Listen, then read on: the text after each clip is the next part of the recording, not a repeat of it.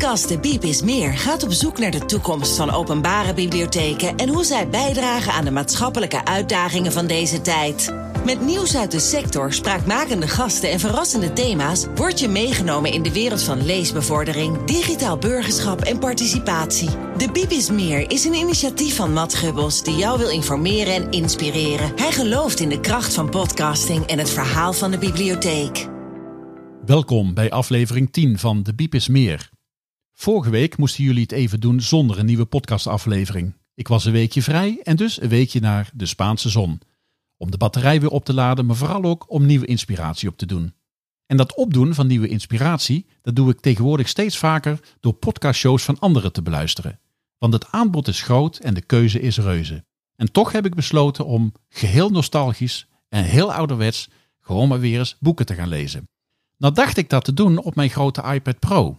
Maar wat ik niet wist is dat dat in de volle zon op het strand niet echt een succes is. Jullie wisten dat natuurlijk als professionals, maar ik had gelukkig mijn schoonmoeder erbij. En die heeft mij dus laten zien dat ik nu echt aan de e-reader moet en dat het lezen in de zon op zo'n e-reader veel beter kan. Nou moet ik wel zeggen dat e-readers qua design nou niet de meest aantrekkelijke apparaten zijn om naar te kijken. Maar lezen in de zon, dat kun je ermee. En dat heb ik dus volop gedaan. En dat was ook maar goed ook.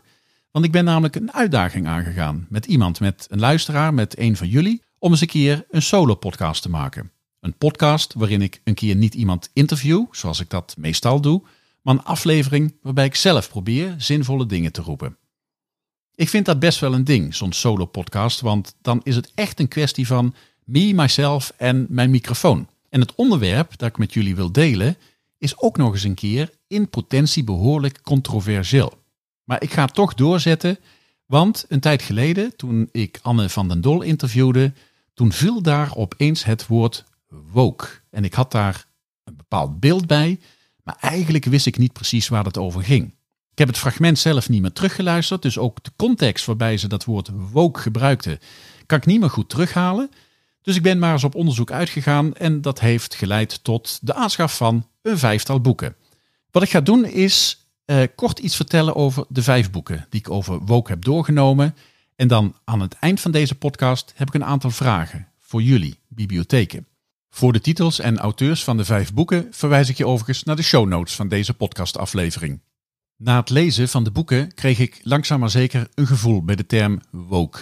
Woke staat eigenlijk voor wakker en verwijst naar het groeiende bewustzijn bij een steeds groter wordende groep mensen, met name jongeren, die met woord en daad strijden voor meer gelijkwaardigheid en diversiteit binnen onze samenleving. In Nederland is dat ooit begonnen met de discussie over Zwarte Piet en in coronatijd verder versterkt via Black Lives Matter.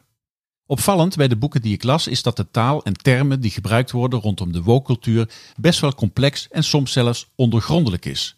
Verder viel me op dat al deze boeken op de een of andere manier kritisch zijn over woke en over de wijze waarop dialoog met deze beweging moeilijk lijkt te voeren. Als je hierover meer wilt weten, dan raad ik je vooral aan om via NPO Start eens te kijken naar de documentaire serie Ik Wook van jou. Uitermate interessant om verder gevoel te krijgen bij deze interessante beweging. Maar nu even in het kort de boeken in vogelvlucht. Het eerste boek is van een zekere Pascal Bruckner. Dat is een Franse filosoof en in zijn boek onder de titel Schuldig over de hele lijn beschrijft hij een samenleving waarin een verscherpt gevoel voor onrechtvaardigheid aan het opkomen is. En waarbij witte mensen, en vooral mannen, ervan langs krijgen en als zondebok aangewezen worden voor alle tegenstellingen binnen de samenleving. Het blijkt in zijn opinie steeds lastiger te zijn om een mening erop na te houden, omdat het cancelen van mensen en organisaties heel sterk op de loer ligt. In zijn dankwoord, en dat vind ik echt heel triest om te lezen, geeft hij aan dat het hem sterk is afgeraden om dat boek uit te brengen.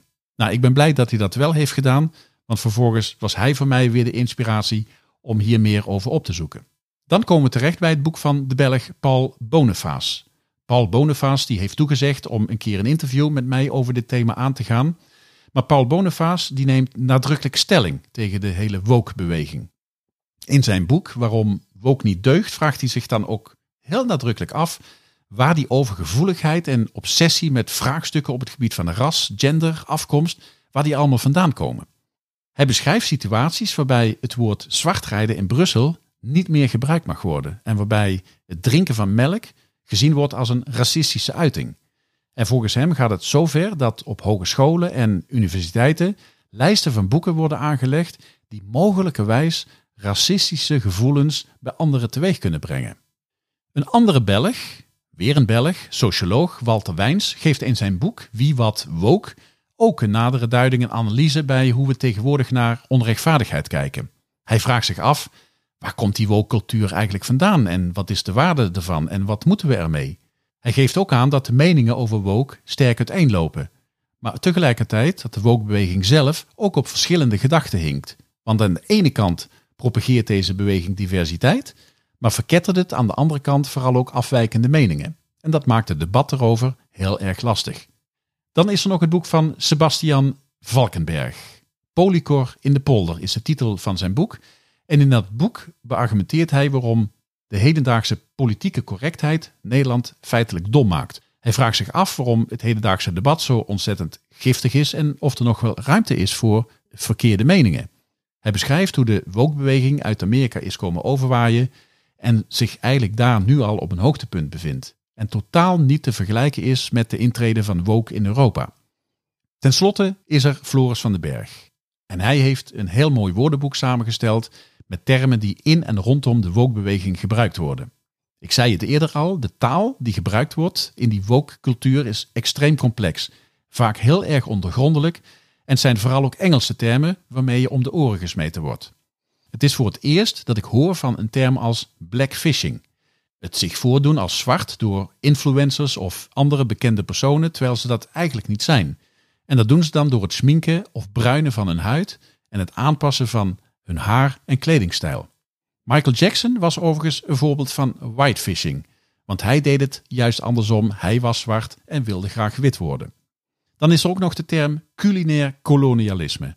Hiervan is sprake wanneer iemand van de dominante witte groep een gerecht afkomstig van een etnische minderheid aanpast of anders noemt. En dat wordt dan gezien als een gebrek aan respect voor een andere cultuur. Kun je je voorstellen dat ik me nogal verwonderd heb over de beweging die woke heet? Maar behalve verwondering ben ik ook best wel geschrokken over wat er onderhuids blijkbaar in onze samenleving aan het opbloeien is. Ten slotte vraag ik me af in hoeverre bibliotheken vanuit hun wettelijke debatfunctie iets moeten met de discussie rondom de woke-beweging. Of willen we als bibliotheek geen partij hierin zijn? Of zijn we bang om hierin onbewust toch partij te kiezen en als sector gecanceld te worden? Juist in een periode dat hard gewerkt wordt aan de transitie naar de maatschappelijke bibliotheek. Tot zover deze korte podcast. En dat allemaal naar aanleiding van het woord woke en de uitdaging die door een van de luisteraars aan mij gesteld is. Volgende keer gaat het weer over de leescrisis in Nederland. Ik spreek dan met de auteur van het boek Spelen met letters en woorden. We gaan dan in om een mogelijk andere aanpak van ons leesonderwijs. Bedankt voor het luisteren naar deze aflevering van De Biep is Meer. Heb je zelf een mooi verhaal om te vertellen? Neem dan contact op via info.onderzoekmeteffect.nl De Biep is Meer is een initiatief van Matt Gubbels. Hij gelooft in de kracht van podcasting en het verhaal van de bibliotheek. Graag tot een volgende keer.